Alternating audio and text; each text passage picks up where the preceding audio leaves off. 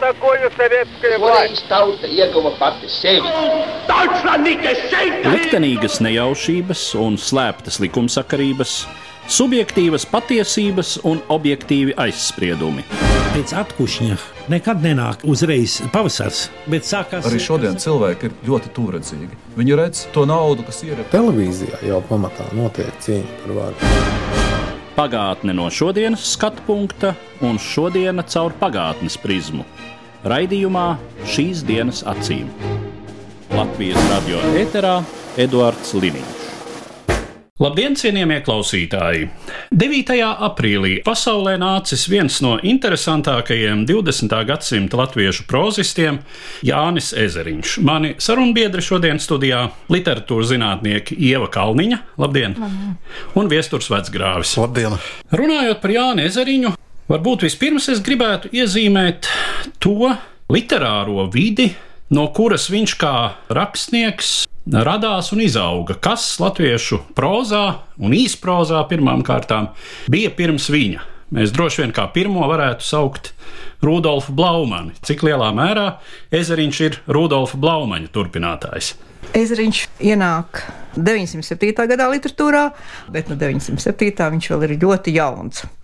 Tad, kad viņš sāk rakstīt savus novēlas, Blaumans jau pamazam ir izveidojies par tādu latviešu literatūras klasiķu, iznākuši ir viņa kopotie raksti, viss ir aptvēruši, beidzot ir salikts visas novēlas kopā, un ir saprotams, ka tas ir lielums, ko varbūt viņa dzīves laikā nemaz tik labi nesaprata. Un ezeriņš latviešu literatūrā, manuprāt, ir darbi, kas it kā vairāk tuvojas latviešu literatūras tradīcijai. Ir jau prozā arī Andrejs Upīts, ir Augusts Saulietis, tā viss ir īsproza. Īsproza ir rakstījis Bulls, garais stāsts arī vēl piedar pie nepārāk garās prozas, tas nav romāns. Un viņa krustēvs ir augusts saulietis, viņš nāk no tādas tipiskas vidzemes vidas. Viņš ir vidzemes rakstnieks. Vidzemes rakstnieks tādā ziņā, ka šeit ir liela tradīcija. Arī tādā ziņā, ka viņš mācās valkas skolotājas seminārā. Un tā ir tā kultūra vide, no kuras arī nāk latviešu rakstniecība. Un man ļoti patīk viņa novela Miga, kas ir viena varbūt no viņa novelēm, kur ļoti skaidri ir tomēr ētika kur ir kaut kāds skaidrs sižets, bet tai pašā laikā, kuru Blaumans laikam nevarētu uzrakstīt, jo šis jau modernāks laiks, kur sieviete mīl tādu diezgan dīvainu vīrieti, kurš nepārāk labi viņu apgādā. Tā ir lauku vide, kur rodas bērns pēc bērna. Un tai dienā, kad viņa saprot, ka viņa mirs, viņa pasaka, kura sieviete derētu viņas vīram. Un, kad vīrs atnāk mājā, viņš ierauga, ka Mazākais bērns ir pie viņas krūts, viņa ir mirusi, un pārējie apkārt viņiem ir. Un tajā brīdī drusku jau kā blaumaniski ienāk pa durvīm Ilza, kas nāk it kā palīgā. Šādā ziņā gan tā lauku vide, gan cilvēcība, manuprāt, arī cilvēka rakstura dziļums, jā, nu tā ir kaut kādā ziņā tradīcija, ko ezeriņš turpina. Un tajā pašā laikā es gribēju to papildināt ar vienu niansi. Tu pieminēji Valkas skolotāju semināru tā augsne, ar ko barojās valkas semināristi, jau bija pavisam citā.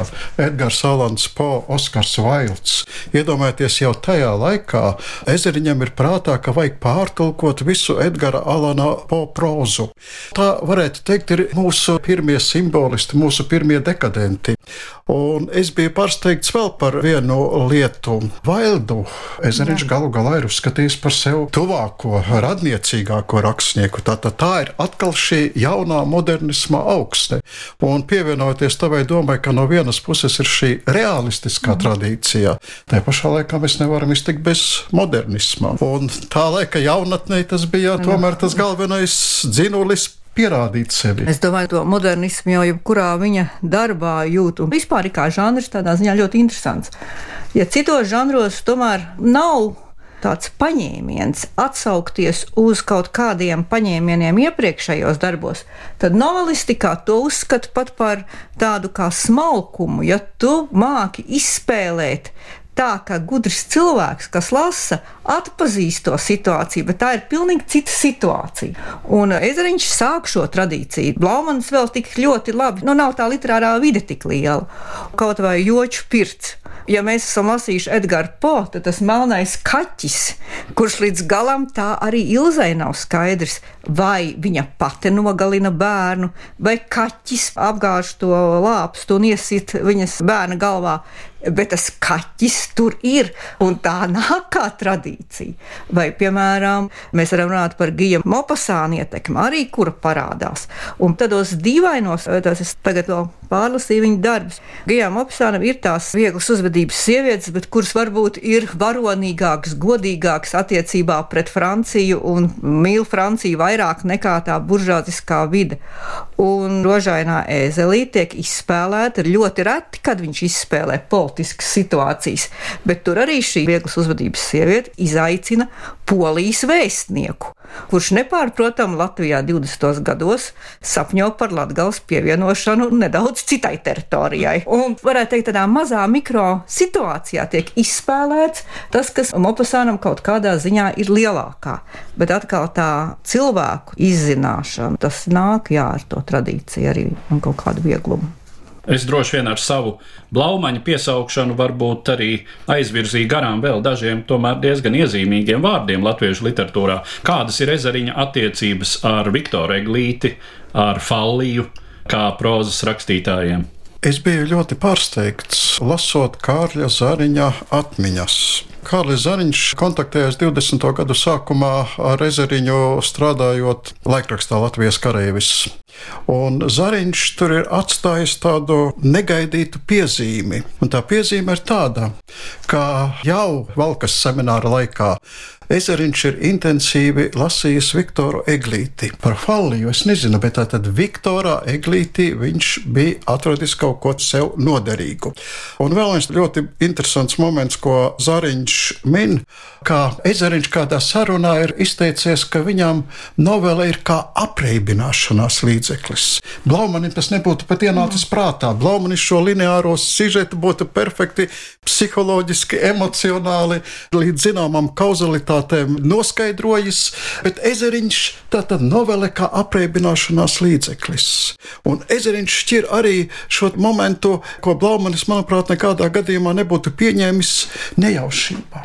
Nejaušības moments cilvēka dzīvē. Tam ir tikpat liela nozīme kā būtiskajam vai kā kaut kādam likumsakarīgam.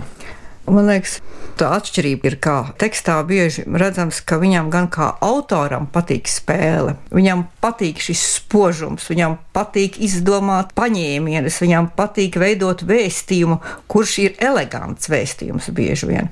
Un varbūt viņš nevar sasniegt to, ko Anšlaus Eglīts vai Ādamsons, bet tai pašā laikā tas ir ļoti spožs. Un viņš parāda, ka arī tie cilvēki spēlējas ar savu dzīvi. Ko Blaumans, protams, drīzāk rāda kā tādas psiholoģiskas problēmas, bet, piemēram, mērkaķis tā ir tīri šīs sievietes spēle ar dzīvi. Kur viņa noved, tas ir cits jautājums, bet tā ir vai arī kapračos. Viņš spēlējas iekāpjot tai kapā, beigās gan uzgāžas viss virsū. Tas liktenis kaut kā neaizmirst, bet tai pašā laikā šie cilvēki ir pilnīgi citādāki. Ir dažas novels, kur ir līdzīgi, bet nu, viņi ir citādāki. Manuprāt, tomēr ietekme ir Pirmam pasaules karam. Tas ir laiks, kas kaut kā maina izpratni gan par cilvēku, gan par cilvēka likteni, gan arī tas kaut kā ārkārtīgi modernizē latviešu varētu teikt, izpratni par pasauli. Arī ir pētījumi, kas uzskata, ka tieši visvairāk pasauli modernizē, kā arī ne tikai tehnikā, bet arī dažādās citās attiecībās. Nu, vēl jāatceras, ka tās grāmatas iznāk četros gados, no 20. līdz 24. Un tas, man liekas, vispār latviešu literatūrā ļoti interesants laiks. Jo tajā laikā atgriežas cilvēki no dažādām vietām, viņiem ir šī jaunā pieredze, un viņi mēģina viņu salīdzinoši brīvi iekļaut literāros tekstos, kas jau ap 28. gadu, 29. Tur ir jau daudz izteiktāk gan jauna klasicisma iezīmes, gan pozitīvisma iezīmes. Tur ir faktiski jau katrs noformulējis jau savu, nu, varētu teikt, ne tikai māksliniecisko, bet arī kaut kādu sabiedrisko pozīciju. Bet 20. gados, nu, ja pastāv veseļi pirmos darbus un tīrumu ļaudis, tad liekas, tie ir divi dažādi autori. Man tajā, ko tu teici, patika divas ļoti būtiskas lietas. Pirmā, ko es biju domājis pateikt, bet tu pirmā to pateici. Šis elegantais ezeriņa stāstījuma stils. Es gan gribēju teikt, ka ezeriņš ir pirmais elegantais Jā. mūsu prozists. Un otrs, runājot par to fenomenu, ka visi viņa meistardarbi top 3-4 gadu laikā, viņam pirms tam ir apcietinājums, par ko daudzi nezina. Vācu okupācijas laikā ezeriņš pavada vairākus mēnešus Vācu apcietinājumā. Pirms tam ir atkal tas periods, ko Ezeriņš aprakstījis vienā mazā savā darbiņā, proti, kad netālu pie Suhumī dzīvo Gulripšā sanatorijas apstākļos, kas viņam arī dod tādu dzīves azartu. Un ezeriņu kā jokotāju, ezeriņu kā smējēju, bohēmieti, bet nekādā gadījumā kā dzērāju, atcerās ļoti daudzi memoāristi. Un atcerās arī to, ka ezeriņš ir pārmetis iepriekšējās paudzes latviešu rakstniekiem vienu lietu, ka viņi viņi par maz vēro dzīvi. Un tas pats Kārlis Zariņš ir atcerējies, ka Ezeriņš 20. gadu sākumā regulāri ir nesājis sev līdzi mazu piezīmju grāmatiņu, kurā ir ierakstījis tādus interesantus izteicienus, kaut kādas situācijas, kuras dzirdējis no saviem kolēģiem vai bohēmas brāļiem. Citiem vārdiem, Ezeriņš ir strādājis ļoti daudz ar šo teksta smalkmehānikas radīšanu tieši iz pašas dzīves. Un man liekas arī interesanti, ka Ir autori, kuri baidās iekļaut tādas jaunas reālijas iekšā, tādos sīkumos.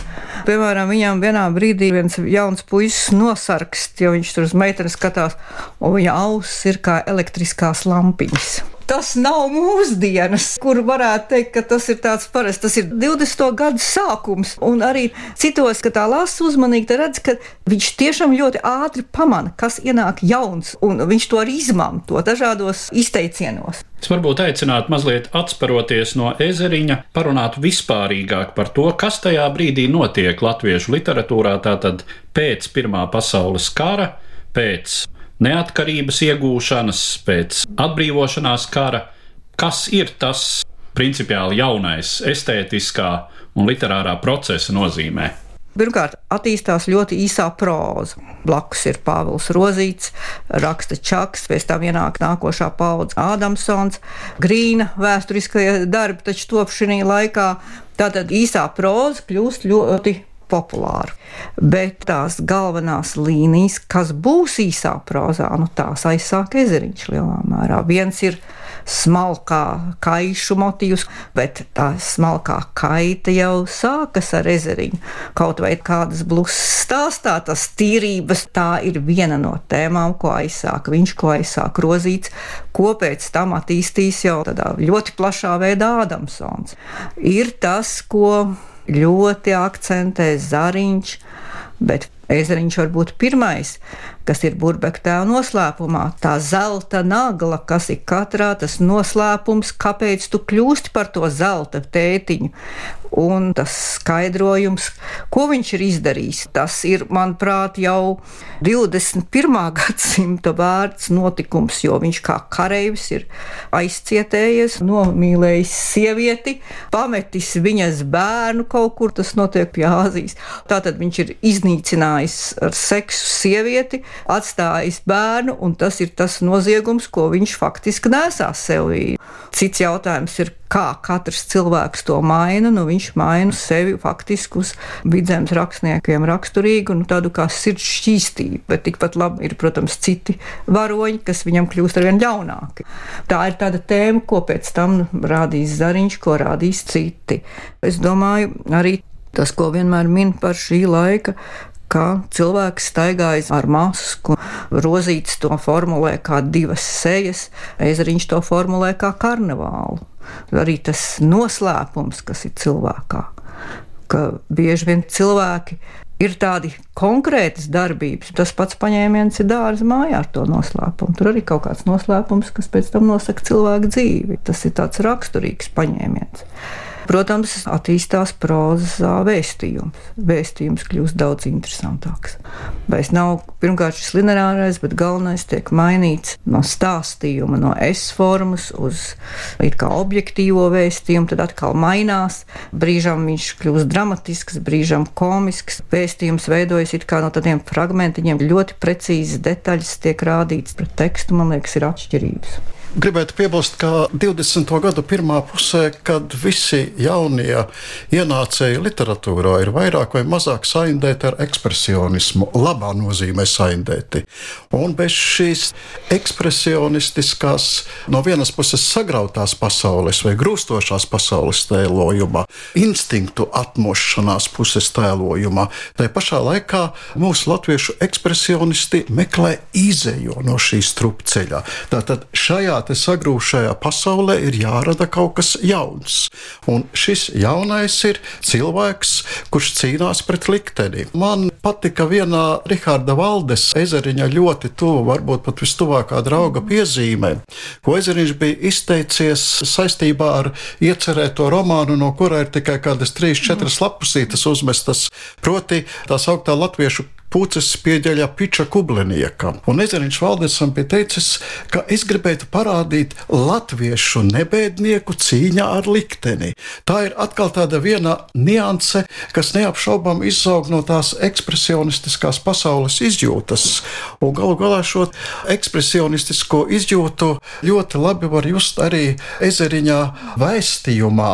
Viņa teikumi ir krietni vien spriegāki, elastīgāki, dinamiskāki salīdzinājumi salīdzinot ar iepriekšējo rakstnieku paudzi.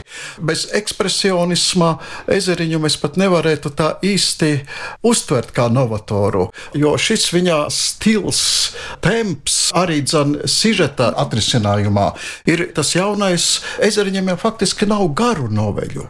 Ezeriņš mīl īsas noveles, un šajās īsās novelēs sapresē šos likteņus vai sapresē šīs paradoxālās situācijas. Man jāliekas, tur arī kaut kur ir droši vien Pirmais pasaules karš.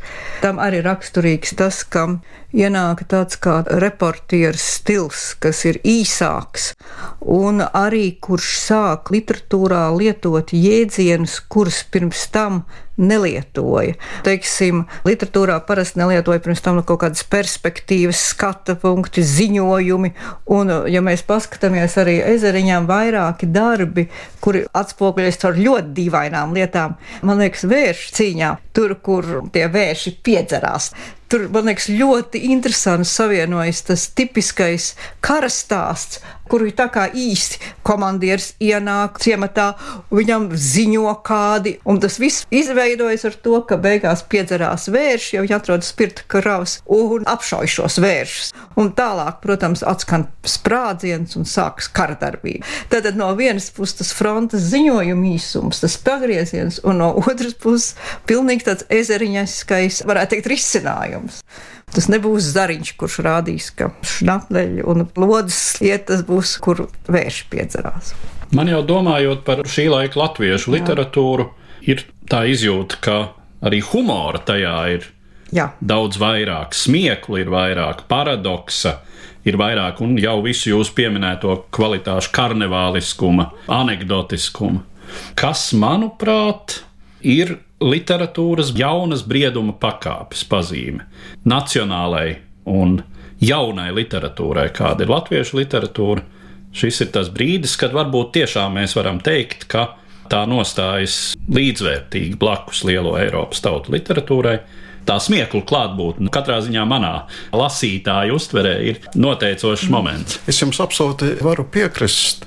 Pietiek pat izlasīt jebkuru blaumaņa darbu, jebkuru poroka darbu, lai redzētu, ka viņi ir 19. gadsimta autori, bet ezeriņš ir tipisks 20. gadsimta mm. autors. Tas, ko jūs pieminējat, es pieminēju vēl vienu lietu klāt šo groteskas gājienu. Jā. Tas arī ir tas, ar ko ezeriņš latviešu stāstniecību, latviešu noveli bagāti bagātina. Līdz tam tādas groteskas latviešu novelē nav. Un Varbūt viņš ir tas aizsācējs un spilgtākais. Nu, tas, ka no viņa mācās, viņi arī visi ir atzinuši. Bet Rozītam jau ir anekdotiskā novela. Tā novelē faktiski tas komiskais ir izteikti daudz. Romānos ir viss šis satiriskais veids, ceplis un tā tālāk. Man liekas, ka latviešu literatūra ir šī brīdī visbrīvākā. Manuprāt, latviešu literatūra no 20. gadiem apmēram līdz 34. gadam ir kaut kādā ziņā vienīgais īsti brīvais un ļoti dažādais latviešu literatūras veids lai Linārds Laicēns raksta Hotai un lai viņš slavē sociālismu. Būs blakus cilvēki, kas runās citu ko. Tur ir iespēja izvēlēties, tur strīdēsies, tur rādīs tāda brīvība, manuprāt, latviešu kultūrā ir vienīgi šai laikā, bet tas ir 14 gadi. Un vēl vienu niansu es gribētu piebilst. Ezeriņš ir pirmais, kurš iztiek savos darbos bez tādas moralizējošas didaktikas. Jā. Blaumanim vienmēr šo didaktikas pirkstiņu var just, nemaz nerunājot par poruku, saulieti un tā tālāk. Ezeriņš ir brīvs no tā visa. Man liekas, Ezeriņam arī īstā nevar pajautāt ko var mācīties no mērkaķa. Tādā veidā pret literatūru nevar īsti iet, teiksim, ko var mācīties no joču pirts.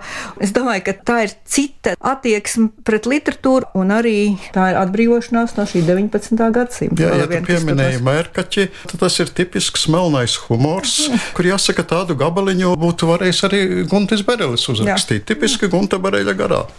Ja jau mēs esam sākuši runāt par to, kas varēja nākamajos gadu desmitos, un te jau mums jau jāsaka gadsimtā, rakstīt līdzīgi kā ezeriņš, tad uh, pirmās paudzes skolnieki, kur Jā. droši vien mums jānosauc Anšlaus Eglīts, Eriks Ādamsons, bet pēc tam ar visu problemātisko literatūras attīstību, skatoties visu atlikušo 20. gadsimtu. Man šķiet, ka latviešu literatūrā tomēr ezeriņa aizraušanās ar dzīvniekiem, un īpaši kādas blusas stāstu, tomēr aizsāk tradīciju, kas tālāk iet līdz pat mūsu dienām. Tas ir tieši izteikti īstajā prozā. No Regīnai Azarai ir zooloģiskās novelas. Ir Rukšānai ķīpseles putni repšei ir vīrs tapīrs. Pašlaik Vistiņa Pankauska stāstā nonāk geto. Tā, manuprāt, tomēr ir latviešu literatūras viens tāds paņēmiens, ko varbūt tie autori apzināti, varbūt neapzināti, bet kur droši vien ezeriņu lasot, tas kā no dzīvnieka var rādīt, tas mums, man liekas, ir tāda tēma, kas iet cauri. Jā. Es tā pārdomāju, ka īsta ezeriņā mentalitātes un dzīves uztveres radinieka vai tuvinieka nu dien mūsu pēckara prozā nav. Ezeriņš ir šis dzīvākais, vis, visbrīvākais, viselastīgākais, un man ir pārsteidz tas, cik viņš viegli pāriet no diezgan neslēptas traģikas uz komiku. Turpat nevar runāt par kaut kādu mm. amata meistarību vai izsēdētu kompozīciju. Tas vienkārši ir viņa dabā. Tomēr es teiktu, Belševicai nelaime mājās. Tur varbūt ir viena daļa no ezeriņa, kur ir šis no vienas puses skumjais skats, un no otras puses tomēr ir tas dzīves priecīgais un jautrais, kur savienojas Kaut vai tas slavenais brīdis, kas ir filmā labi apspēlēts, kur Lilita Bērziņa paceļas augšā un saka, tu saki. Tā ir monēta. Belševica piekta. Jā, kaut kur Belševicai varbūt ir nedaudz. Nu jā, un ar kinematogrāfa līdzekļiem paspildināts, tad jā, tas tā ir. Nē, nu, lasot būt. arī tomēr. Bet Ezriņš ir viens no visvairāk tulkotiem autoriem.